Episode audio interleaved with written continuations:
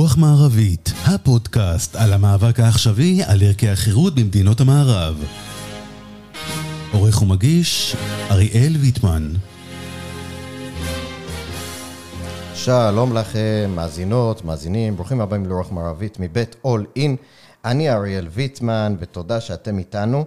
אמ, אנחנו מדברים הרבה מאוד בשנים האחרונות, בעיקר ככה בתקופת הקורונה, הנושא עלה שוב ושוב על הקשר בין שלטון מקומי לשלטון המרכזי במדינת ישראל, על פריפריה חברתית, מה זה אומר, איך אנחנו מקרבים את הפריפריה מבחינת אה, שוויון הזדמנויות, מבחינת אה, מקומות עבודה, מבחינת השכלה.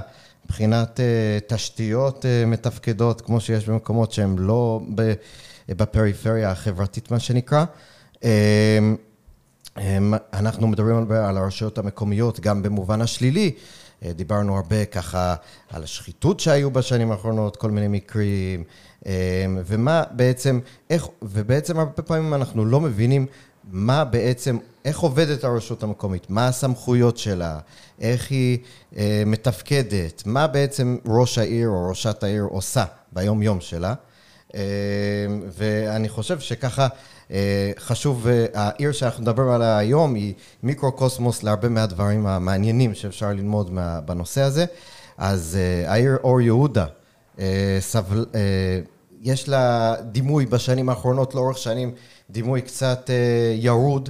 אה, מצד אחד, ומצד שני גם הרבה שיפור בשנים האחרונות. אה, אם אנחנו נוסעים בכבישים לידה, אנחנו רואים בנייני משרדים גדולים שככה קמים. אה, גם היה לה שיפור מבחינה סוציו-אקונומית בשנים האחרונות, גם אנחנו יודעים ש... שמבחינת הבגרויות, האחוז הבגרות משתפר מאוד והעיר מאוד מתגאה בכך בשנים האחרונות. אז אה, אנחנו, יש שיפור, ככה, העיר עברה אה, תהליך מאוד ארוך בין כך שהיא קמה כמעברה, בדקתי ככה קצת היסטוריה לפני השיחה הזאת, היא קמה כמעברה של עולי עיראק, אה, וללא תשתיות או השקעה מצד המדינה מצד אחד, ומצד שני הרבה מאוד אנשים בעלי השכלה מעיראק שהגיעו. אמ, אז אה, ככה אנחנו רואים שהעיר מאוד מתפתחת, אה, אתן קצת נתונים שככה מצאתי, תקציב העירייה בשנת 2023, בהנהגת ראשת העיר ליאת שוחט, שהיא האורחת שלנו בעצם, ועוד מעט נפנה אליה, עמד על, עומד על 390 מיליון שקלים, ו-37.5% ממנו מוקדש לחינוך. אה, בשנה הזו אושרה אה, תקציב פיתוח בהיקף של 368 מיליון שקלים, 73 פרויקטים חדשים. רק לצורך השוואה, ב-2015, השנה של שוחט נכנסה לתפקיד, אה, התקציב עמד על 235 מיליון שקלים.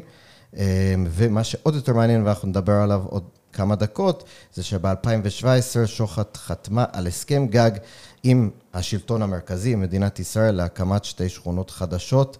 אה, בית בפארק ונווה איילון, אה, ועוד אה, פארק תעסוקה, מסחר, בהיקף של מיליוני מטר ריבוע. מה שככה הרבה מאוד בתקופה גם של כחלון, שר האוצר משה כחלון, דיברו על כל ההסכמי גג האלה וכולי, אז זה מעניין לדבר על זה ואיך זה עובד. אז זהו, אז ראשת העיר ליאת שוחט, ברוכה הבאה לרוח מערבית, טוב שאת איתנו. אז קודם כל תודה. אני רוצה לשאול אותך ככה בגדול, אם תוכלי לתת לנו אה, ככה מאחורי הקלעים, מה סדר היום של ראש עיר בראשת עיריית אור יהודה? איך עובד, איך את עובדת? מה את עושה ביום יום שלך?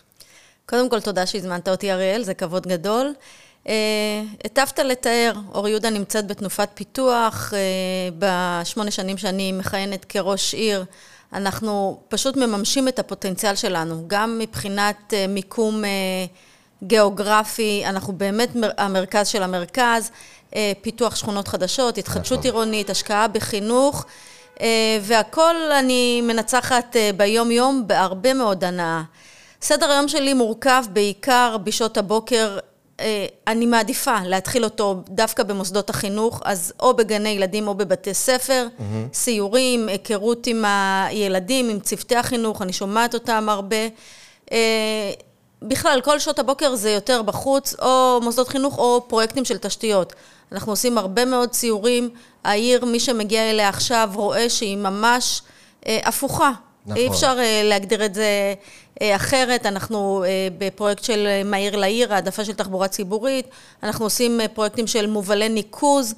אחרי 74 שנים שהעיר שלנו קיימת, שנה אה, ראשונה שאין הצפות בגשמים, כי אנחנו באמת עובדים מתחת לפני האדמה. אנחנו לא עושים קוסמטיקה וגמרנו, אלא מתקנים אה, תשתיות ש-70 שנה לא עסקו בהן. אז אני הרבה שם בשטח, אה, הולכת לראות את ההתקדמות, מדברת עם תושבים. יש שם הרבה אי נוחות ו... באזורים ודברים, של הבנייה. כן, של, של הפרויקטים של התשתיות. אה, ואזורים שקשה אה, מבחינת הנגשה לתושבים שצריכים לצאת מהבתים. כן. אז אה, לפעמים, מלבד מהיותי ראש עיר, אני צריכה להיות קצת פסיכולוגית, קצת לקלוט מהתושבים ולתת להם מענה, וזה הדבר הכי טוב. ככה אני מרגישה את השטח. שאר היום זה באמת הרבה מאוד פגישות. תלוי מה עומד על הפרק. יש לי סוגיות אה, מאוד מהותיות של, אה, של אכלוס השכונות החדשות, של אה, התחדשות עירונית, נכון. של חינוך, הרבה מאוד פגישות אסטרטגיות לקידום החינוך בעיר, מפגשי תושבים.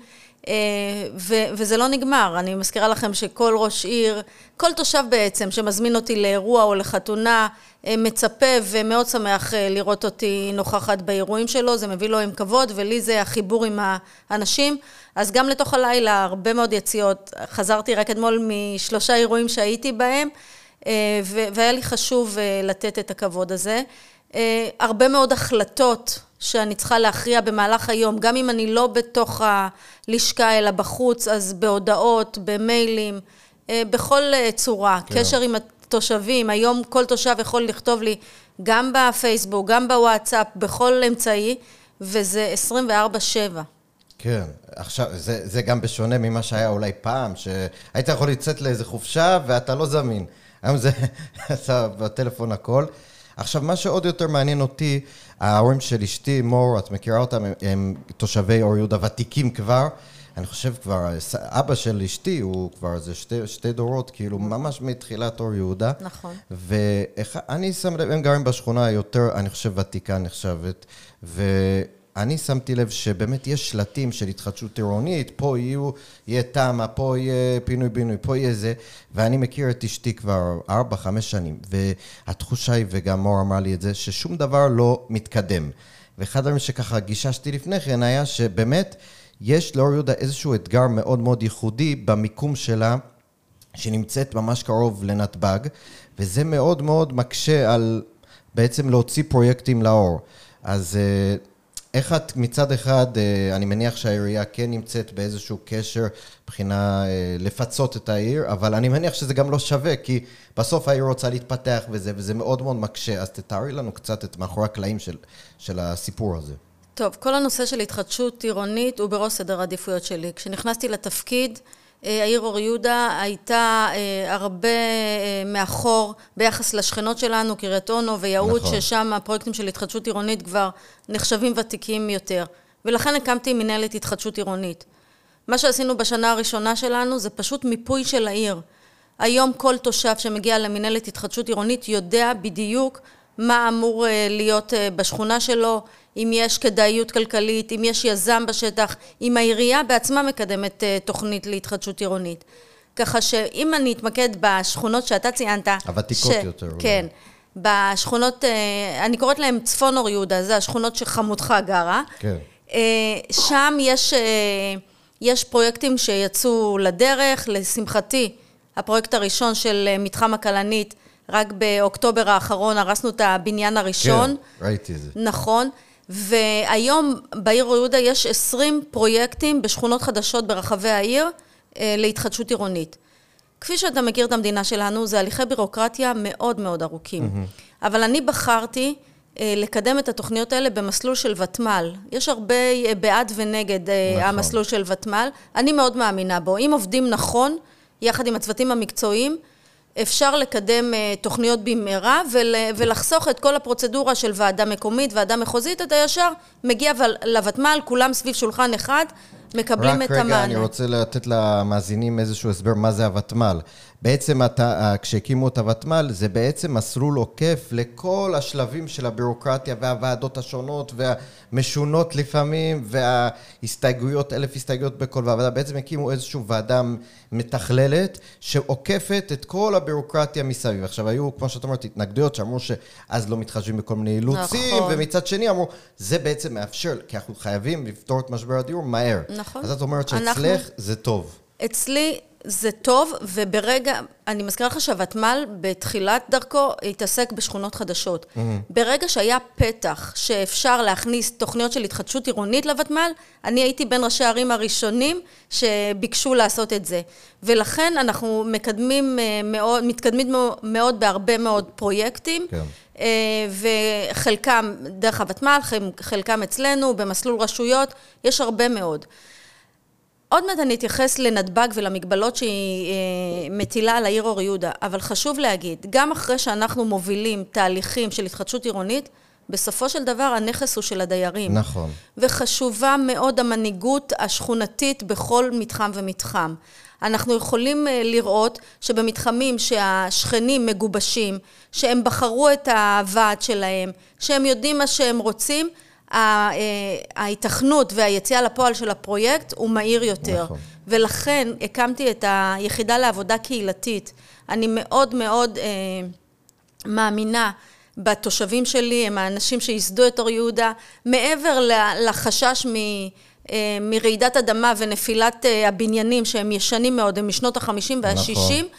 מגיע פה צדק היסטורי. לא יכול להיות שאנחנו מפתחים שכונות חדשות על קרקע של העיר, ודווקא המייסדים של העיר נשארים מאחור. אז אנחנו עובדים בעבודה מאוד סזיפית, בית-בית, עם עובדים קהילתיים שהעירייה מממנת, שיושבת עם אותה זקנה בת 80 שרגילה לתנאים של... שהיא פותחת את הדלת שלה, היא יוצאת לגינה, ופתאום מביאים לה אה, בניין של 70 קומות, היא לא כן. רוצה את זה, זה לא מעניין אותה, עלויות אה, נוספות. אנחנו מסבירים את החשיבות, אנחנו מדברים בשפה שלהם, גם אם יש אה, אה, בעלי אה, שפה שלא מבינים את העברית, אמהרית, בוכרית, עיראקית, אנחנו מדברים בשפה שלהם כדי להסביר להם את החשיבות של החתימה על אה, פרויקטים כאלה. זאת אומרת, את אה, שנייה לפני שאנחנו עוברים על זה מעניין. את באמת מרגישים שהרבה מאוד מהתושבים ותיקים חוששים מהמהלכים האלה? יש שם איזה... ובצדק, בצדק. תחשוב שהיום הם גרים בבניין של שתי קומות, ארבע נכון. דירות, ארבע דירות זה בבניין. זה בנייני רכבת כאלה. נכון, רכבת ארוכים. יש לי גג בשכונות הוותיקות, שמונה דיירים אה, בבניין. כן. ותחשוב שצריכים, אה, שהמשמעות של ההתחדשות עירונית זה שהם עכשיו יהיו 72 דיירים. גודל הדירה יגדל וכך נכון. גם המיסים, ועד הבניין יגדל, מה שהם לא משלמים עכשיו, הם משלמים אולי אה, את החשמל וניקיון קצת ופתאום. ויש הרבה מאוד חששות, וזה התפקיד של העירייה. אנחנו נכנסנו במקום שזיהינו חסם מאוד מאוד אה, מרכזי. ואנחנו עובדים עם התושבים האלה, אנחנו מדברים איתם, אנחנו עושים כנסים, אנחנו מלמדים אותם בכלל הגדרות בסיסיות של מה זה פינוי-בינוי, נכון. שהם יבינו את זה. אה, ולשמחתי גם הרשות להתחדשות עירונית בשנים האחרונות תיקנה תקנות מאוד משמעותיות של אה, קרן ארנונה, של אה, קרן לתחזוקת הבית, שכן יקלו על אותם ותיקים ומבוגרים שחוששים מהמעבר החד הזה, לתת מענה. קרן ארנונה זאת אומרת שבעצם אם נגיד לפחות אולי בשנה הראשונה... חמש שנים, חמש שנים, בדיוק. בחמש שנים הראשונות. שאותו דייר בחר לחזור, יש כאלה שלא בוחרים לחזור, כן, הם נכון. כבר יצאו, אה, הזכירו, בדיוק, מוכרים, הזכירו במקום אחר. אלה שחוזרים, הם ישלמו רק על ההפרש התוספתי של הדירה. שאם הייתה להם דירה 80 מטר ועכשיו היא 100 מטר, הם ישלמו את ה... לא, הם ישלמו את ה-80 שהיה להם. את ה-20, קרן הארנונה תשלם לחמש שנים. אותו דבר תחזוקת בניין. אה, משפחה ששילמה 50 שקל, היו אוספים מהוועד כדי לכסות את הגינון ואת החשמל, היום צריכה לשלם 300, 400 ו-500 שקל. על מעלית וזה. על הכל, על שטחים משותפים. וגם שם יש את הקרן שתאפשר לאותם אה, אה, יפה. ותיקים שחוזרים לשכונה שלהם. אבל אין ספק שגולת הכותרת בעיר אור יהודה זו ההתחדשות העירונית של השכונות הדרומיות. Mm-hmm. אור יהודה היא גובלת בנתב"ג. אה, גם כשהייתי ילדה, גדלתי ונולדתי, התחנכתי באור יהודה, תמיד דיברו על נתב"ג כחיסרון. כגורם שמפריע לנו, יש לנו מגבלות אה, של אה, גם גובה, אבל בעיקר רעש. נכון. יש לנו אזורים ש... שגרים שם היום תושבים, אבל הוכרזה על ידי המדינה בתמ"א 4 על 2, שזה לא מיועד למגורים האזור הזה. בגלל הרעש? בגלל הרעש, בדיוק. זה ממש סכנה בריאותית אפילו. זה סכנה בריאותית, ואתה יודע מה עצוב? כי אני נמצאת בהרבה מאוד ועדות שקשורות לנתב"ג ולמגבלות כן. הרעש, שעד היום מדינת ישראל לא עשתה אפילו מחקר אחד על השפעות הרעש ברמה הבריאותית. כן. ואני אומרת לך שיש השפעות, יש בעיות של קשב וריכוז, יש בעיות אה, בריאותיות לתושבים שהם ממש, אם תבוא לשכונה הזו, אתה תוכל לתפוס את הגלגל של המטוס ברגע הנחיתה, הוא ממש עובר לנו מעל וואו. הבניינים הכי קרובים לנתב"ג. ואת אומרת שבעצם אתם רואים כעירייה מקרים למשל שמגיעים לרווחה או למערכת נכון, הבריאות, שממש אפשר... נכון, את... שאפשר למקד אותם, והמדינה לא עשתה את הבדיקה המאוד מאוד בסיסית הזו, מה אה, הרעש עושה לתושבים שגרים נכון. מתחת, ואני לא מדברת רק על תושבי אור יהודה, יש עוטף נתב"ג, יש כמעט שני מיליון תושבים שגרים בחולון, אה, תל אביב, אה, חבל מודיעין, שנפגעים מהרעש הזה, ואנחנו עושים כראשי רשויות המלחמה של התושבים שלנו. Mm-hmm. אז כפי שאמרתי, השכונות האלה, הם, אה, השימושים בהם אסור, אסורה מגורים. כן, אבל הם גרים. והם גרים. כן. כלומר, על המצב, שהנתון הקפיאו את המצב. כן. וגרוע יותר, לא אפשרו לנו אה, התחדשות עירונית, לקדם שם התחדשות עירונית. לשמחתי, אה, ב-2017, כשחתמתי על הסכם הגג ש... שהזכרת אותו בפתיח, העליתי את הנושא הזה בפני ראש הממשלה דאז והיום בנימין נתניהו ושר האוצר כחלון אה, לשעבר. והסברתי להם את החשיבות של לעשות צדק היסטורי עם אותם תושבים שמדינת ישראל שלחה אותם לשם. נכון. אלה היו דירות עמידר, זה היה דיור ציבורי שהמדינה הפנתה אותם למקומות האלה, ולאפשר להם את האופק של התחדשות עירונית. הוקם גוף שמכיל את הכל, אני קוראת לו הוותמ"ל הקטן, רשות להתחדשות עירונית, רשות מקרקעי ישראל, משרד האוצר, עיריית אור יהודה, כן. אה, גופים אה, אה, חברתיים, מדינת ישראל מממנת ואנחנו בשלבים האחרונים של פרויקט התחדשות עירונית לשכונות הדרומיות, שיוצאות 2,300 יחידות דיור ונכנסות כ-8,000 יחידות דיור, ובשטחים שהוכרזו שהם לא מיועדים נכון. למגורים, אנחנו נפתח שם את המשך אזור התעשייה שלנו, כי זה ממש הגבול אה, של אה, האור פארק ואזור התעשייה שאנחנו מפתחים. ואותם תושבים שלא יכולים לחזור לאזור, כי פינוי-בינוי אתה חוזר לאותה נכון. שכונה, שם הם לא יוכלו לחזור בגלל לאותה... בגלל הסכנות. בדיוק. שם הם לא יוכלו לחזור לאותה שכונה. אנחנו אה, אה, איחדנו תוכנית של שכונה נוספת בעיר. תעבירו שהיא, אותם אליהם. בדיוק. שהיא תהיה הקרקע המשלימה לאותם אה, תושבים. פרויקט מאוד ייחודי, אה, ממש התחשבות בכל בניין ובניין, איפה הוא יהיה, איפה הוא יקבל מענה. כפי שאמרתי, כמו שאנחנו עושים בכל העיר, עבודה קהילתית מאוד צמודה, כי שם זה באמת אה, האוכלוסייה המאתגרת ביותר כן. בעיר אור יהודה, שאיבדה את האמון אני מניח שמי שהיה לו כסף, אז הוא היה בורח משם. בדיוק. מי שנשאר הוא מי שפשוט נכון, לא הייתה לו ברירה. נכון מאוד. כן. אה, והרעיון הוא באמת לתת להם את האופק הזה. אני חושבת שהמהלכים הראשונים שאנחנו עושים בעירייה זה קודם כל להחזיר להם את האמון, שזה באמת קורה. כי הם, הם סבלו שנים של הבטחות, פינוי-בינוי, כן. פינוי-בינוי, לא נעשה כלום, וזה גם מבחינת אה, העירייה, זה תהליך שלוקח. זה שזה בוותמ"ל, ואני מקווה שזה יהיה בדיון אחרי פסח, ברגע שהתוכנית תופקד, אנחנו נוכל להיות, אני יכולה להיות אה, אשת בשורה לכל התושבים האלה, ובשלביות המתוכננת בתוכנית אה, נוכל להראות לתושבים האלה את הניצנים הראשונים של הפינוי-בינוי. מה הצפי של זה, כאילו, בגדול? אה, תמיד יש עיכובים וכולי? תראה, מרגע הפקדת התוכנית, אני מעריכה ששלוש שנים אנחנו נראה ניצנים ראשונים של בנייה. אמ, אבל מה שאנחנו עושים אה, בשלבים האלה, ודיברתי על יצירת אמון, זה בעצם מפתחים להם את המרחב הציבורי. אומרים להם, נכון, ייקח לכם עוד שלוש, ארבע, חמש שנים לגור במקומות האלה, אנחנו, זה לא, אנחנו לא נשאיר אתכם בצד, אנחנו נשפר לכם את המרחב הציבורי. מי שיעבור היום בשכונות האלה, הן לא, לא פחותות מצפון תל אביב במרחב הציבורי, mm-hmm. בגינות, במדרכות, כדי להפוך להם את השהות שם לנעימה יותר. כן. עכשיו, אבל בגדול, לפני שאני עובר לשאלה של הסכם הגג, מעניין אותי כך מאחורי הקלעים קצת, אמ, האתגר הזה מול נתב"ג, הוא אתגר מעבר לשכונה הזאת נכון. שקיבלתם. איך אתם מתמודדים מבחינת, אני יודע שהיו, אה, היה ביניכם לבין אה, כל מיני רשויות אה, עימותים לאורך השנים, זה לא איזשהו סוד. איך אתם מתמודדים עם זה? מה, מה האתגר המרכזי שאת רואה שם? אז קודם כל, הפן הראשון שהיה, אמרתי, הנושא של התחדשות עירונית. אבל אני מהר מאוד הבנתי, איך שנכנסתי לתפקיד, שמעבר למגורים, הפגיעה הממשית יותר היא בפגיעה, לא, לא, היא פגיעה כלכלית, ביכולת שלנו לפתח אה, עסקים. Mm-hmm. אם היום בבני ברק יכולים לה, להקים מגדל של בסר של 30 נכון. קומות, אנחנו מוגבלים באזור התעסוקה לחמש-שש קומות. אה.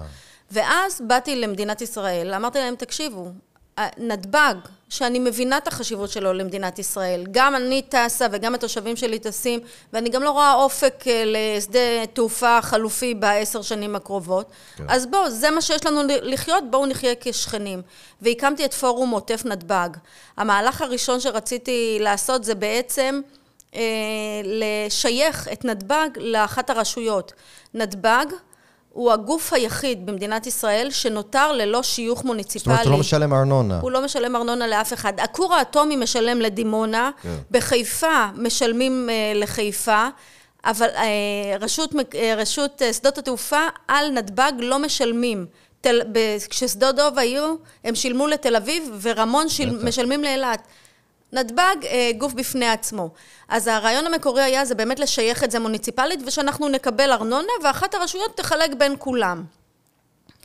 מהר מאוד, אה, אה, אני זוכרת שהייתי בכנס באילת וקיבלתי טלפון שהחליטו להשבית את נתב"ג ליום אחד בגלל הבקשה הזו שלנו. כל המדינה רעדה, וזה רק הראה את הכוח שלהם.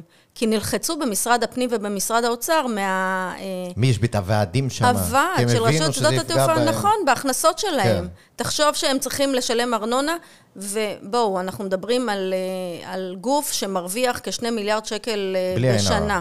הרע. בלי עין הרע, אבל שיחזור נכון. לתושבים. בסופו של דבר, חמש רשויות, אור יהודה, חבל מודיעין, שדות דן, לוד ויהוד. אה, זכינו במסגרת, לא זכינו, קיבלנו את מה שמגיע לנו, אני חושבת שמגיע לנו יותר, אבל הסתפקנו, אתה יודע, לפעמים אה, טוב ציפור אחת ביד נכון. מאשר שתיים על העץ. אה, קיבלנו כ-150 מיליון שקל. בשנה? בשנה, שמחולק לרשויות שעוטף נתב"ג. סוג של פיצוי על הפגיעה הכלכלית. אמ, לצערי זה תחום בזמן, אנחנו אה, בשנה, רק אה, ב-2024 זה יסתיים ונתחיל שוב. זה למדתי, דרך... למד, אפרופו שלטון מרכזי, שלטון מקומי, כן. יש משהו שלמדתי בתפקיד ראש העיר, זה שזה רק מלחמות מולם. נכון. כל הזמן אני נלחמת. אז זה בדיוק מביא אותי לשאלה הבאה, להסכם הגג שעשיתם ב-2017. עכשיו, בממשלה שהייתה אז, אה, אני באתי להגיד בממשלה קודמת, אמרו לנו, זה עשר בחירות, עשר ממשלות באיזה שלוש שנים. אבל אה, האם ממש לקחו את הקטע של ההסכם גג, נכון, ושמו, נכון. היה גם בדרום באיזה כמה רשויות, ואצלכם, אה, איך זה עבד? את פנית אליהם, אמרת, אני רוצה הסכם גג, הם פנו אלייך, אמרו, בואו, יש לכם שטחים, ניתן לכם אה, איזשהו מסלול, מי, מי פנה למי, איך עבד המשא ומתן, איך, איך, איך הגיע, איך התנעתם את הסיפור הזה? אז קודם כל, אה, המדינה, אני מזכירה שזו הייתה התקופה של השר האוצר כחלון. כחלון. כל הנושא של מטה הדיור ויוקר המחיה, ומה שהם הציבו אה, כאחת המטרות המרכזיות שלהם זה להוריד את אה, מחירי הדיור. מחירי הדיור, והם פשוט עשו אה, מיפוי של, של המדינה, והם איתרו אה, מקומות שיש פוטנציאל מהיר כן. לקדם אה, יחידות דיור. המטרה, מי שנכנס להסכם גג זה מי שיש לו מינימום פוטנציאל ל-5,000 יחידות דיור. הם פנו אליי מיד כשנכנסתי לתפקיד. נכנסתי באוקטובר 2015, כחלון נכנס במרץ 2015. זה בדיוק היה כן. אה, אה, בשלבים של, אה, של הכניסה שלו לתפקיד, והסבירו לי ש, שהם רוצים שנקדם ושזה חשוב למדינה, ואור יהודה, נכון. בוא, היא עיר מרכזית, היא בגוש דן. אה, ומה שעשיתי זה אמרתי להם, תודה, הבנתי, תנו לי רגע ללמוד מה נעשה במקומות אחרים.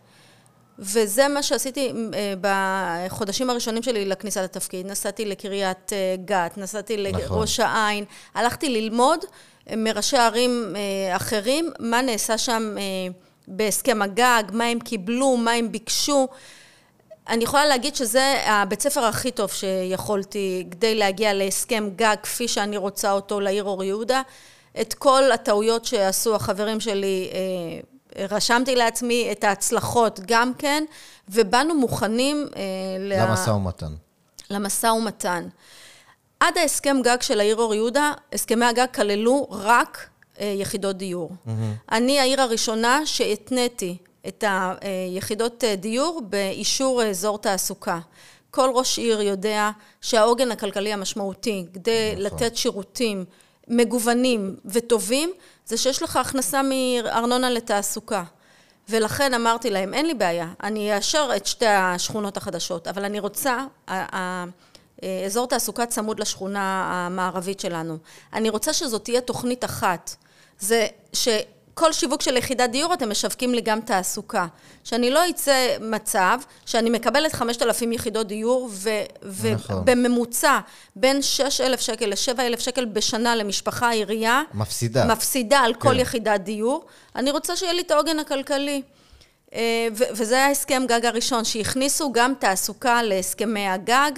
אה, אנחנו, בניגוד לערים האחרות, שהיו תלויות בקיום, באבני דרך. כלומר, הם היו צריכים לבנות את הבית ספר, הם היו מקבלים אה, כסף. הם היו צריכים לעשות כבישים, הם מקבלים כסף.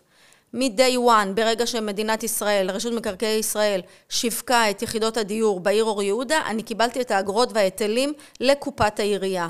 אני זו ששלטתי ב... אה, אה, ב כן. לוחות זמנים של פיתוח השכונה, של הקמת מוסדות החינוך. אני לא הייתי צריכה כל פעם לדפוק בדלתות ולהגיד, אני צריכה כסף uh, לדברים האלה. זה, uh, זה נמצא אצלי בקופה, כמובן, פיקוח ובקרה של משרד האוצר, של רשות מקרקעי ישראל, שהכספים הולכים לאן שהם צריכים ללכת. ויותר מזה, החשש הכי גדול שלי היה ש... תיווצרנה שתי ערים, אחת נכון. חדשה, וכמו שדיברנו על השכונות הוותיקות. הוותיקות לעומת דיירים חדשים נכון, שמגיעים מבחוץ. נכון. אז אה, רוב הכספים שהגיעו מהסכם הגג, הכספים הראשונים, הושקעו בשכונות הוותיקות. כשאמרתי לך, פיתוח המרחב הציבורי של השכונות הדרומיות, התשתיות שדיברתי, על הניקוז, גם. כל כן. מה שקורה עכשיו, זה בעצם מהכספים של הסכם הגג, להפוך את העיר הוותיקה אה, במרחב הציבורי, יפה. בדיוק, במרחב הציבורי שלה, במוסדות החינוך, בגנים, בפארקים, לאותו level, סליחה, לאותה רמה של, אני שונאת להשתמש כן. במושגים כן. באנגלית, אה, באותה רמה אה, שבשכונות הוותיקות.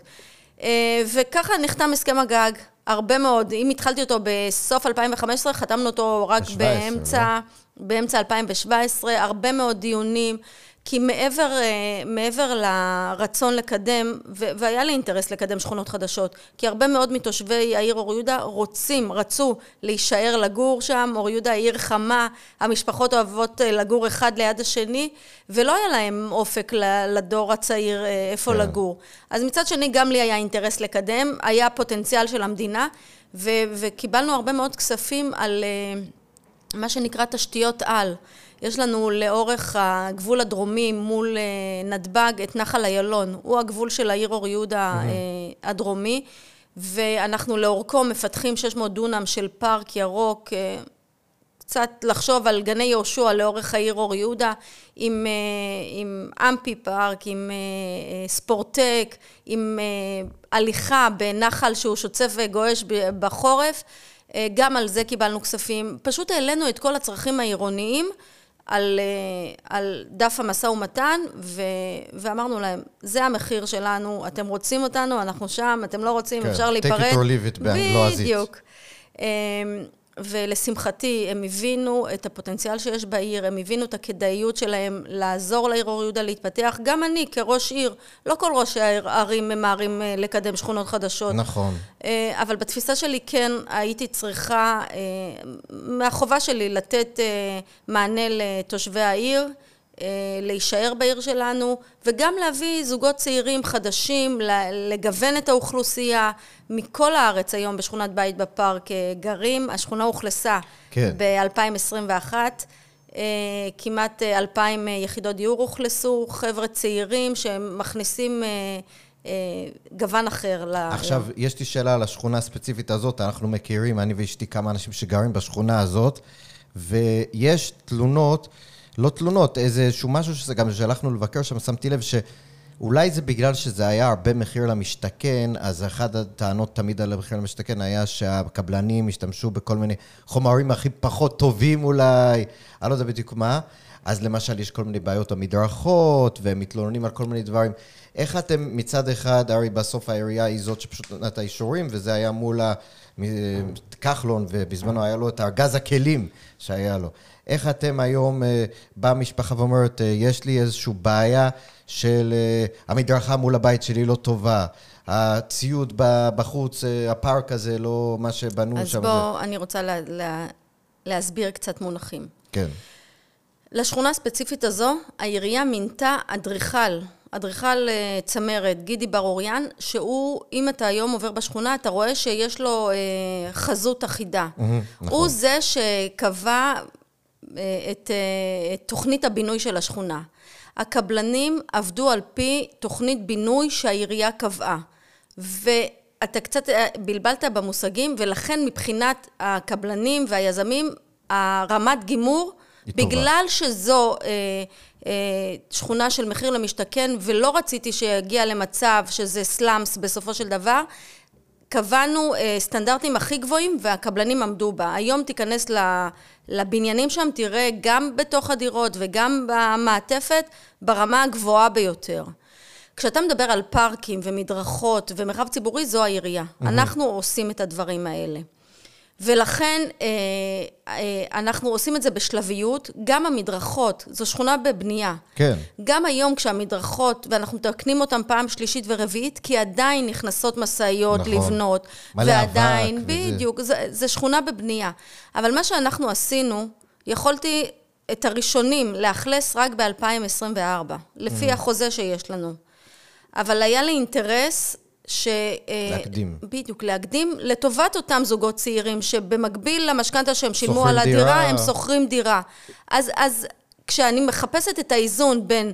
בין לחיות בשכונה שהיא עדיין בבנייה, לבין לקצר להם גם זמנים וגם לחסוך להם כסף, בחרתי לחסוך להם כסף. אז נכון, לא פשוט, לא קל, אבל אנחנו בסופו של דבר, באמת, אני הכרזתי על זה על הבמה, זאת תהיה השכונה הטובה ביותר בגוש דן, גם מבחינת המרחב הציבורי, הפיתוח שלה, מוסדות חינוך, מוסדות ציבור והקרבה לכל מקום. יפה. זאת תשובה, אני באמת לא ידעתי את העניין הזה, שזה עדיין...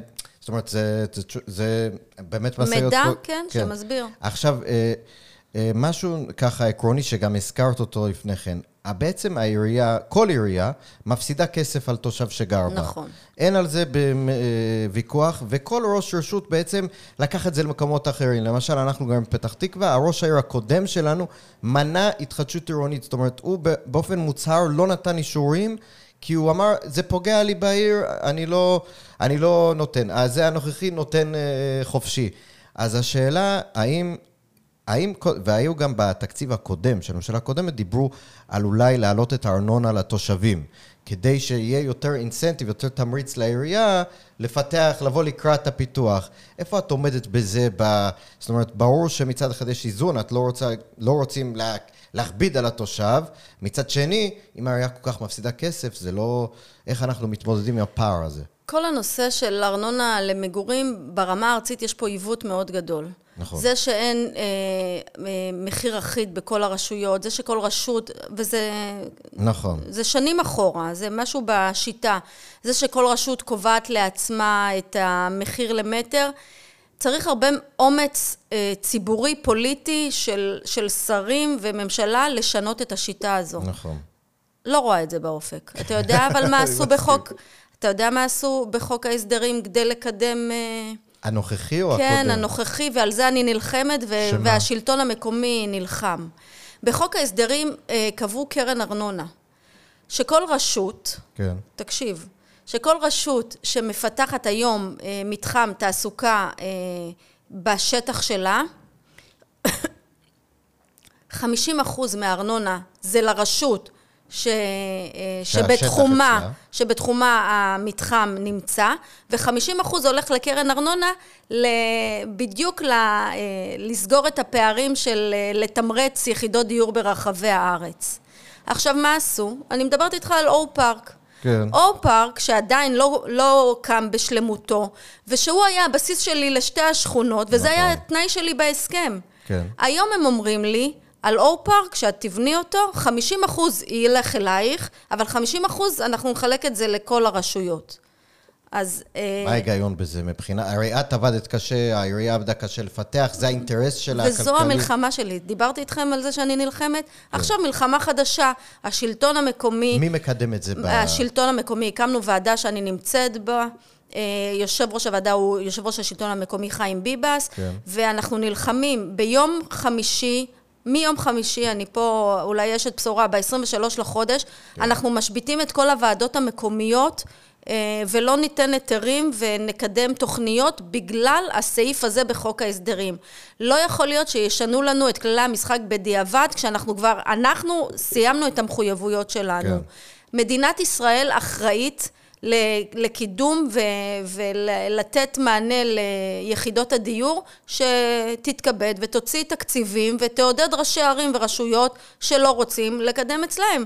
אין שום סיבה שאני... בהכנסות שלנו, אה, של עיריית אור יהודה, נממן יחידות דיור ברחבי הארץ. אבל מה ההיגיון מעבר לכך שהרי יש, אין איזשהו מדרג לפי ההצעה הזאת? זאת אומרת, נגיד את תל אביב, שיש לה הרבה כסף, אז אולי ניקח יותר. אה, העירייה פחות איזה... הכל אותו דבר? לא, לא, יש מדרג. אני מדברת... אה, אה, אצלכם אצלי- 50%. אצלי מה, מה קורה במדרג 50%. הזה. אה, ודרך אגב, כל אה, פורום ה-15, שזה הרשויות הגדולות, הגדולות. גם נכנסו למאבק הזה. הן מתנגדות גם? ברור, הן מתנגדות, אנחנו מתנגדים. אתם רוצים? תעשו את זה נכון. מעכשיו קדימה. אל תשנו לי מה שקבענו וחתמנו. מדינת ישראל חתומה על ההסכם הזה, וזה היה חלק מהתנאים שאני... אז לא יכול להיות שאני עמדתי בחלק שלי בהסכם, ואתם עכשיו נכון. משנים אותו. או שיוציאו את כל הרשויות שחתומות על הסכם הגג והתבססו על התקציבים האלה ועל ההכנסות האלה, או שבכלל יבטלו את זה. נכון. בואו נראה מה יהיה. נכון, אני מאחל לך בהצלחה במאבק. תודה אה, רבה. שאלה נוספת על מערכת החינוך, ובכלל, קודם כל, הי- היה, את, אה, את פעילה ב... בשלטון המקומי, וראיתי אותך גם בתקשורת לאחרונה, שדיברת הרבה, היה לכם איום בשביתה. שבתנו. שבתתם איזה יום אחד, אני חושב אולי יומיים, לא זוכר כבר, יום אחד, ובעצם בעצם המדינה הגיעה לאיזשהו הסכם עם הסייעות, ותספרי לנו קודם כל מאחורי הקלעים קצת מה בעצם ההסכם הזה אומר, ומה, אני מניח שהוא לא מושלם, מה הוא בעצם, מה הסכנות גם שבאות איתו. זה לא חדש שכל תחום החינוך אה, נופל בין הכיסאות.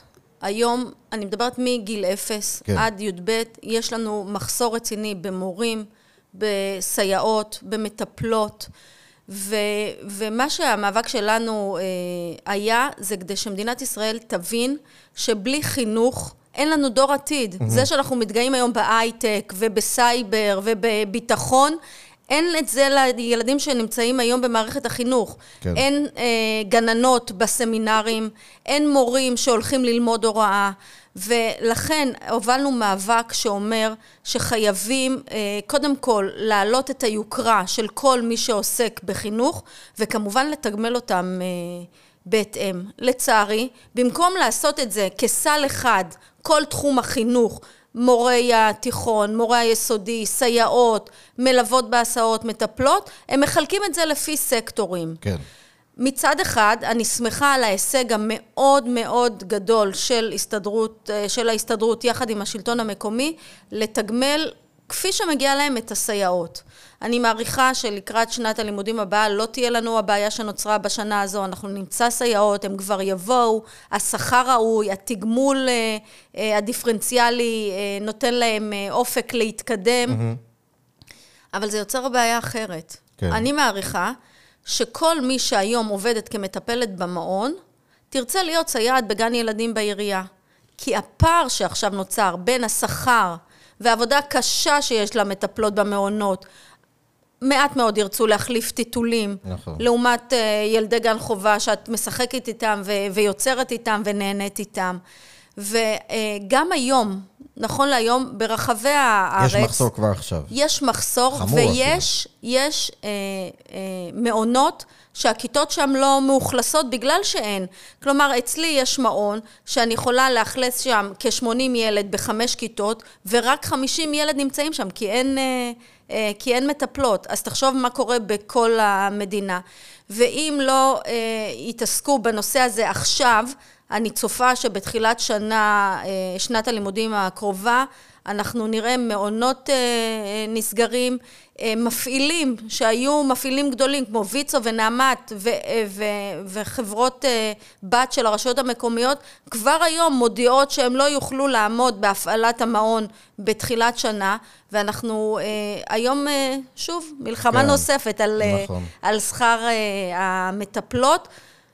ובעצם מה, זה, זה אלה אנשים ש, שעושות את הכל, הן פשוט אה, עובדות עבודה מאוד קשה, מאוד לא מוערכת, יש חשש מאוד גדול, גם שמקליטים אותם, גם שמצלמים אותם, והרבה נרתעות מלהיכנס לעבודה הזו, אז גם כשהשכר לא טוב, בכלל לא יהיו שם... אה, כן.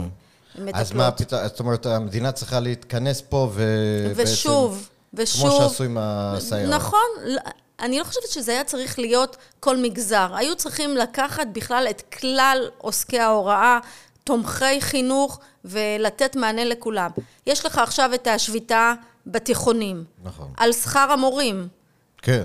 גם היום יש חוסר גדול במורים בתיכונים. Mm-hmm. כל מנהל, מנהלים נכנסים ללמד, מה שבעבר לא היה. הם מחנכים כיתות, מנהלים שהיו בתפקיד מנהל. יש חוסר בהרבה מאוד מקצועות. ויש לנו את השביתה הזו, תהיה את השביתה של המעונות.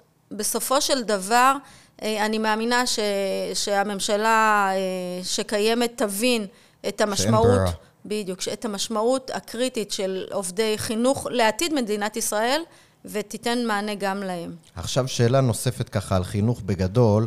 אה, אני לא ידעתי את זה ככה לקראת הרעיון, אני, אני אמרתי, בדקתי איך בעצם עובדת אה, מבחינת הסמכויות מערכת החינוך. וגיליתי שאם אני לא טועה, בתיכונים, לרשות המקומית יש יותר סמכויות מאשר בבתי ספר היסודיים. יש לה למשל, אם אני לא טועה, את ה... היא ממנה, או לפחות ה... יש לה say יותר גדול במי יהיה המנהל ושל אה, בית ספר נתון וכולי. מה, אם תוכלי לספר לנו ככה, קודם כל, השיפור בבגרויות לאורך השנים האחרונות הוא מאוד מרשים אצלכם, אז מה עשיתם שונה ממה שהיה אולי בעבר, והאם זה, זה באמת, אפשר להסביר את זה על ידי כך שהגיעו אוכלוסייה אחרת, או שבאמת האוכלוסייה הוותיקה נהייתה, ההשקעה בה יותר, אה, אה, השינוי במערכת החינוך יותר משמעותי, ומה איך בעצם ראש רשות מנהל את מערכת החינוך שלו? מה הוא, איך הוא בא למנהל הבית ספר התיכון ואומר לו, כאן וכאן צריך להשתפר, זה ככה, זה אחרת. איך בעצם עובד המערכת היחסים בינך לבין מנהל תיכון בעיר שלך? אז אני אחלק את השאלה שלך לשתיים. אין, זה כמה שאלות. כן. אני אחלק אותן אה, לשתיים, על היחס בין השלטון המרכזי למקומי, כלומר בין משרד החינוך לרשות המקומית, נכון. ואחר כך מה שנעשה בתוך העיר אור יהודה. כפי שאמרת, אה, התיכון, מורי התיכון הם עובדי רשות מקומית.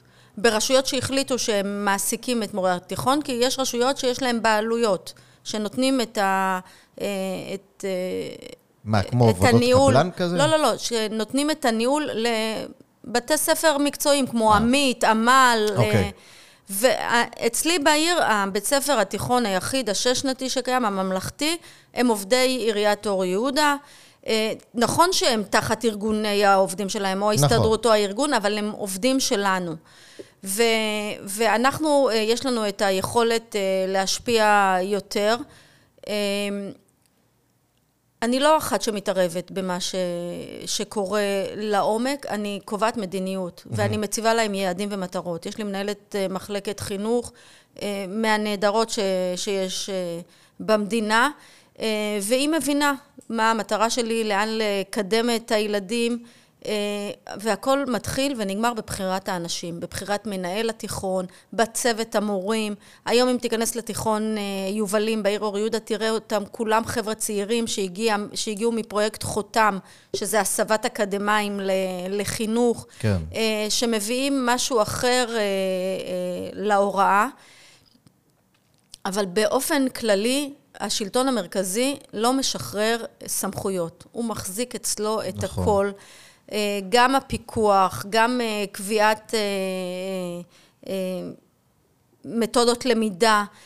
היום, לשמחתי, השינוי הנכון שנעשה זה בעצם בניהול האישי, שאפשרו לכל מנהלי בתי הספר היסודי לנהל את, נכון. את הבתי ספר שלהם בעצמם. גם שם אנחנו קובעים מדיניות, אנחנו קובעים מה הנושא השנתי.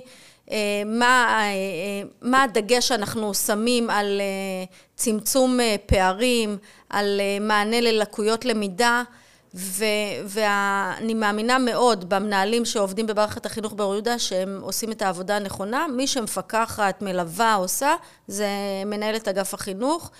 כשאני, כפי שאמרתי לך, כל בוקר כשאני יוצאת למערכת החינוך, רואה את זה בשטח. אני, גם כשהורה, בדיוק, גם כשהורה פונה אליי, כן. הוא יודע, ואולי הוא לא יודע, הוא מבין את זה בפנייה הראשונה, שקודם כל אני מבקשת שיפנו לגורמים המקצועיים. כי זה מה שאני אעשה, הוא פנה אליי, אני אלך לשאול נכון. אותם מה קרה. אז בשביל מה הסיבוב אה, הזה? תיגשו קודם, תפתרו את זה בתוך בית הספר, זה לא נפתר, עולים למחלקת החינוך. אני מתערבת ממש בקצה.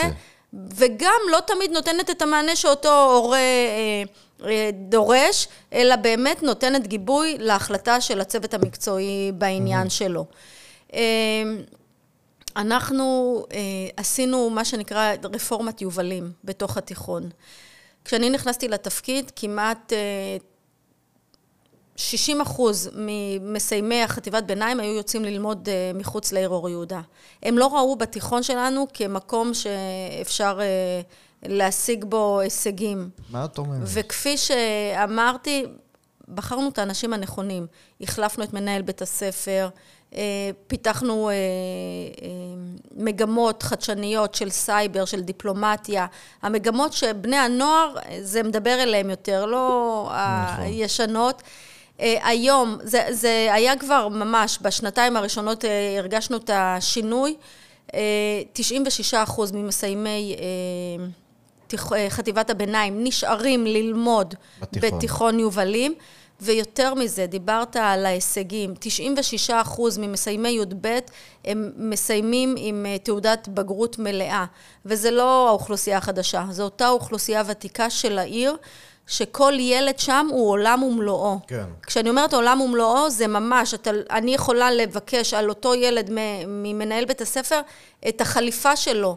מה הקשיים שלו, מה היכולות שלו, מה האתגרים שהצוות הניהולי נתקל איתו, ומה המענים לכל דבר ודבר. ונלחמים על הילדים האלה בשיניים, ילדים שכבר ההורים שלהם איבדו אה, תקווה, אה, מגיעים לתוצאות, מסיימים עם בגרות. ויותר מזה, יסלחו לי כולם על הישגים ומספרים שאותם אפשר להשיג גם אחרי הצבא. אה, כל הנושא של ערכים ודרך ארץ והכרת מדינת ישראל. אנחנו, כל פרויקט שיש במשרד החינוך, אני מבקשת שיהיה אצלנו. Mm-hmm. מסע ישראלי, גדנ"ע, אה, תרומה לצה"ל. אני מאמינה בערכיות ובערכים יותר מאשר בציונים. יפה. אבל אחד הדברים, ככה, שאלה נוספת, שהרבה פעמים מדברים שבפריפריה החברתית, באשכולות היותר נמוכים סוציו-אקונומית, שאור יהודה אמרנו משתפרת בהם, אבל היא עדיין, הנקודת התחלה שלה הייתה יותר נמוכה. נכון. מאיפה ש... אין מה לעשות, קרטונה התחילה במקום יותר גבוה, ואור יהודה התחילה כמעברה. אמ, הטענה תמיד היא שמערכת החינוך, אה, למשל, יותר מוכוונת פחות למקצועות טכנולוגיים ופחות למקצועות אה, אה, שיכניסו יותר כסף בעתיד למי שנמצא בהם. איפה אתם, למשל, חמש יחידות מתמטיקה, בזמנו היה דגש מאוד גדול. איך את מגשרת על הפער הזה? אני מניח שאולי בהתחלה כן היה את זה, היום זה... את עובדת על זה, איך זה עובד? אז, אז כמו שאמרת, בגלל שהתיכון הוא תחת אחריות העירייה, כל התקציבים להצלחות האלה באים מהעירייה. לא בכדי הדגשת ש-37 אחוז, כמעט 40 אחוז אה, מתקציב העירייה הולך, הולך לחינוך. לחינוך, וזה הולך בדיוק לדברים האלה. כשאנחנו אומרים תקציב, זה לא לבינוי ושיפוצים ששם אנחנו נותנים מעל ומעבר, זה הולך לתוכניות האלה.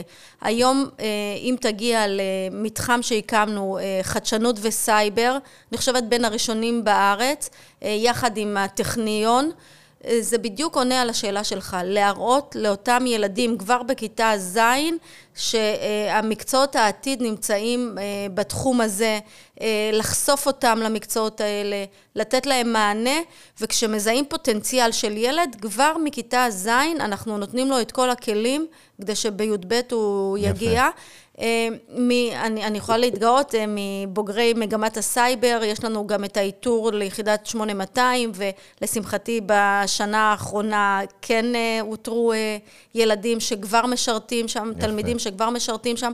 אנחנו רואים הצלחות קטנות, אבל הן כל כך משמעותיות, שזה עושה טוב גם לצוות בית הספר, גם לנו בעיר, ובכלל גאווה לתושבים. עכשיו, שאלה נוספת שככה, אני בתור מבקר ברודה הרבה בשנים האחרונות, מתוקף המשפחה, כשאתה מסתובב ברחובות של אור יהודה, האוכלוסייה היא מאוד, הייתי קורא לזה מאוד הטרוגנית, זאת אומרת, זה לפי שכונה, אתה תראה את האנשים. איך את, דיברנו על זה בהתחלה, שהעיר התפתחה וגדלה, ועוד חמש אלף יחידות דיור פה, ועוד דיורות פה ופה ופה, פתאום יש עוד הרבה סוגים של אנשים. איך את רואה את ה... זה יצר אה, מתיחות חברתית בעיר, זה יצר משהו חיובי יותר בעיר, איך את רואה את השינוי, ב... ב... איך זה, בפסיפס האזרחי של אור יהודה? אז זה בין, מעניין. בנקודת הזמן הזו עדיין לא מרגישים את ההשפעה של השכונות החדשות על העיר. העיר היא מאוד הטרוגנית. נכון. חיים בה אה, אה, דתיים וחילוניים, ותיקים וחדשים. ועדיין היא שומרת על הצביון המאוד מאוד מיוחד שלה, גם קהילתית וגם ההון האנושי. Mm-hmm. עדיין יש שם את השבטיות, את החמימות. אה, גם אה, תושבים חדשים שמגיעים לעיר ישר נדבקים ב... כן. אה, ומי כמוך יודע. הנה, אשכנזי שהגיע לאור יהודה ו... ישר נדבקים בחום הזה ובייחוד הזה. וזה, וזו אחת המטרות שלי, לשמור על הייחוד של, של מייסדי העיר, ובמידה אחרת ליצור חיבוריות בין החדשים לוותיקים. אה, לקבל, אה, לקבל אותם, את החדשים, בזרועות פתוחות, שישתלבו בתוך אה, מוסדות העיר הוותיקה, לא לסגור אותם בתוך שכונה כלואה, אלא שיגיעו להיכל התרבות העירוני, לספרייה העירונית, כן. יקבלו שירותים, ירכשו בתוך האטליז בשוק המאוד מיוחד הזה. אני מאוד שומרת על הצביון, צביון העבר שלנו. כן. עכשיו, אה, לסיכום, אה, אם היית צריכה ככה להסתכל מבט קדימה, אנחנו, אה, אני מניח, גם, גם שנת בחירות, רשויות מקומיות, אבל בלי קשר, מה האתגרים הכי גדולים של העיר? מה, איך אנחנו, איך את רואה את העיר בעוד כמה שנים טובות, ככה, בטווח הבינוני, חמש שנים קדימה? איך אנחנו, איך העיר מתפתחת מבחינת אה, נדל"ן, מבחינת תעסוקה, מבחינת השכלה, מה האתגרים הגדולים ומה גם ההזדמנויות. אז מה שאתה מבקש ממני עכשיו זה לעטוף את כל מה שאמרתי לחבילה שהעיר אור יהודה תציג. היום אנחנו, אני נכנסתי לתפקיד כשהיינו 37 אלף תושבים, היום כן. אנחנו מגיעים ל-42 אלף תושבים. עם המימוש של שתי השכונות וההתחדשות עירונית, אני מעריכה שבעשר השנים הקרובות אה, נגיע ל-70 אלף תושבים, ועם בסיס תל השומר, שהוא בשטח המונ... לא, לא דיברנו על זה. נכון. בסיס תל השומר, שהוא בשטח המוניציפלי שלנו, ששם לבד זה עוד 8,000 יחידות דיור. זה מתוכנן להתפנות במתישהו. נכון, שלביות, אה, כן. נחכה, אבל התכנון הוא עוד 8,000 יחידות דיור שם, ששייכים לעיר אור יהודה. אנחנו מדברים על עיר שב-20 שנה הבאות תהיה משמעותית, מעל 100 אלף תושבים. Mm-hmm. כבר היום, נתחיל בעבר. כשאני עמדתי על הבמה ב-2017 והצגתי את הסכם הגג, ייעצתי לתושבים שלנו, תרכשו דירה בעיר אור יהודה, כי זה הזמן. עוד כמה שנים אי אפשר יהיה אה, לרכוש דירה, ואני חושבת שהיום מי שהבין את העצה שלי היא. בצד, בדיוק, היא בצד זהב, ועדיין, גם היום, בכל הפרויקטים של התחדשות עירונית, יש פוטנציאל מאוד גדול ל, לכדא, לכדאיות כלכלית ולנכס אה, מניב אה, בעתיד. אז מלבד, אה, אני קוראת לזה החומר, בסדר? הבטון של בניינים אה, ו- ועסקים, אנחנו שמים דגש מאוד אה, גדול על החינוך, על הקהילתיות, על, ה- על התושב. על העבר, אני כל הזמן מזכירה את העבר, אבל זה נכון. מאוד חשוב לי. יש בעיר אור יהודה גם את מוזיאון אה, מורשת יהדות בבל וגם את מוזיאון יהדות לוב. אנחנו עכשיו רוצים לקדם את מוזיאון יהדות בוכרה, לאפשר לכל קהילה בעיר שלנו להרגיש שזה לשמור, הבית שלה. בדיוק, ולשמור על המנהגים ועל המסורת ועל המוזיקה של אותה קהילה, ולהפוך לסוג של עיר מוזיאונים יפה. אה, בתחום הזה. צוחקים עליי הרבה, אבל גם אה, אני חושבת, אה, אחד אה, היעדים שלי, ואני מקווה שבקיץ אנחנו נוכל לבשר, זה הקמת בית עלמין. הרבה מאוד תושבים שלנו, ש, שזו אוכלוסייה מסורתית, היטבת לאור יהודה לתאר- בית עלמין היום? אין לאור יהודה בית עלמין, אנחנו אה, נאלצים לקבור בירקונים, היום הקבורה היא בכוכים. בקומות כאלה. כן, שלא מתאימה לאוכלוסייה. עדיין תושבי אור יהודה צריכים את הגבורת שדה, אז זה, זה אחד היעדים שלי ל, לתקופה הקרובה, לתת מענה לבית עלמין. כמובן, פיתוח אזורי תעסוקה, אה, ולהישאר... יש לי אה, שאלה ששכחתי לשאול, ככה, אז אמרתי לסיום, אבל משהו ששכחתי לשאול תוך כדי, אני אומר, אה, דיברנו על היחס בין רשות מקומית לרשויות המדינה המרכזית. איך, מהניסיון, באמת כבר יש לך ניסיון רב שנים, 2015, זה אנחנו 2023, איך זה עובד מבחינת ה... ככה לסיכום, שככה תיקחי אותנו אולי כמה שאפשר ומותר לך ואת מרגישה בנוח מאחורי הקלעים. איך זה עובד, ה- ה- היחסים עם הפוליטיקאים בשלטון המרכזי? מגיע שר חדש, את צריכה להתניע מחדש את כל ה... בעצם התוכניות שהיו לך עם, הממשלה, עם השר הקודם, ואיך זה עובד כאילו... היחסים האלה, את צריכה כל פעם באמת להתניע, או שזה עובד מהגורמי המקצוע והוא כבר, כבר כאילו זורם? איך זה עובד? תראה, אני התחלתי עם אה, ממשלת אה, נתניהו-כחלון, שעטפה נכון. את העיר אור יהודה בצורה הטובה ביותר. בסופו של דבר זה יחסי אנוש. נכון. והקשר עם ה... אה, עם השר המכהן עם- באותו עם זמן. השרים. ולא בכדי, למרות שנמנעתי להשתייך למפלגה כזו או אחרת בשעות, בשנות הכהונה שלי כראש עיר, התפקדתי לליכוד. אה, באמת? כן. יפה. למה? מתוך, בגלל בדיוק, ש- מתוך הבנה, אה, ו, אה, ש, שזו המפלגה החברתית, שבאמת השרים שלה מבינים מה זה שלטון מקומי. הם יודעים לעבוד עם ראשי ערים, הם יודעים אה, לתת את, אה, את הצרכים, לענות על הצרכים אה, ש, שכל ראש רשות אה, צריך, ואני רואה את זה.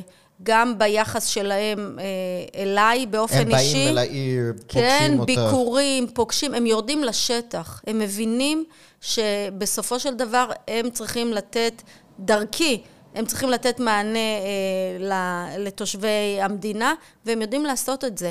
כן. הגישה שלהם, הפן החברתי הוא מאוד משמעותי, אה, ו... אני, אני לא אחווה דעה על ממשלה כזו או אחרת, אבל אני יכולה להגיד שממשלת השינוי כן. לא עשתה את השינוי הנדרש בנושא הזה, ו... אה, זאת אומרת, באמת, כמו, רואה, ש... כמו שאת אומרת, זה בסוף עניין של מי האנשים ואיך היחסים זה רק איתם. זה. זה רק זה. אה, אני לא מזלזלת בפקידים, כן? לא, ברור. אה, הפקידים, בסופו של דבר, גם אם השר מחליט משהו, מי שבפועל עובד איתנו זה הפקידים, נכון. ואנחנו שומרים על היחסים איתם, והם משמעותיים, אבל אין ספק ש... אה, שהממשלה הזו, שרי הליכוד אה, והחברים בה, יודעים את העבודה מול רשות אה, מקומית. יפה.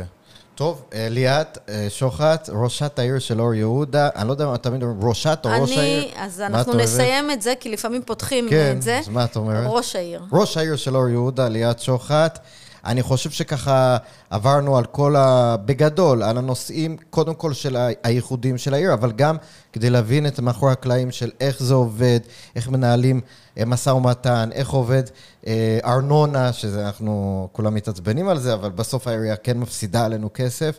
ואיך אנחנו בעצם מנהלים את הממשק בין עיר, שלטון מרכזי, וככה גם לקראת בחירות עוד מעט ברשויות המקומיות, אז להבין על מה אנחנו מצביעים גם. אז זהו, אז תודה רבה שהיית איתנו. תודה, היה, היה כיף. תענוג. כן, היה כיף. וככה גם, אז אני רק אוסיף שאני מרגיש כאילו אני לא, אמנם לא תושב של אור יהודה, אבל אני, אני הרבה שם. אז כל מה שאמרת, אני ככה אומר, וואו, אז היא אמרה זה, אז ככה מחר אני אלך ברחוב שם. אז, אז עכשיו אתה גם שגריר של העיר אור כן. יהודה. אז תודה רבה לכם, גם מאזינות ומאזינים. תודה רבה לאשתי מור, תושבת אור יהודה במקור, שהפיקה את התוכנית. וזהו, נשתמע בקרוב. תודה לכם.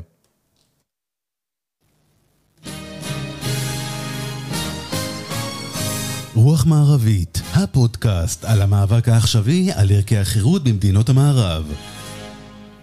עורך ומגיש, אריאל ויטמן.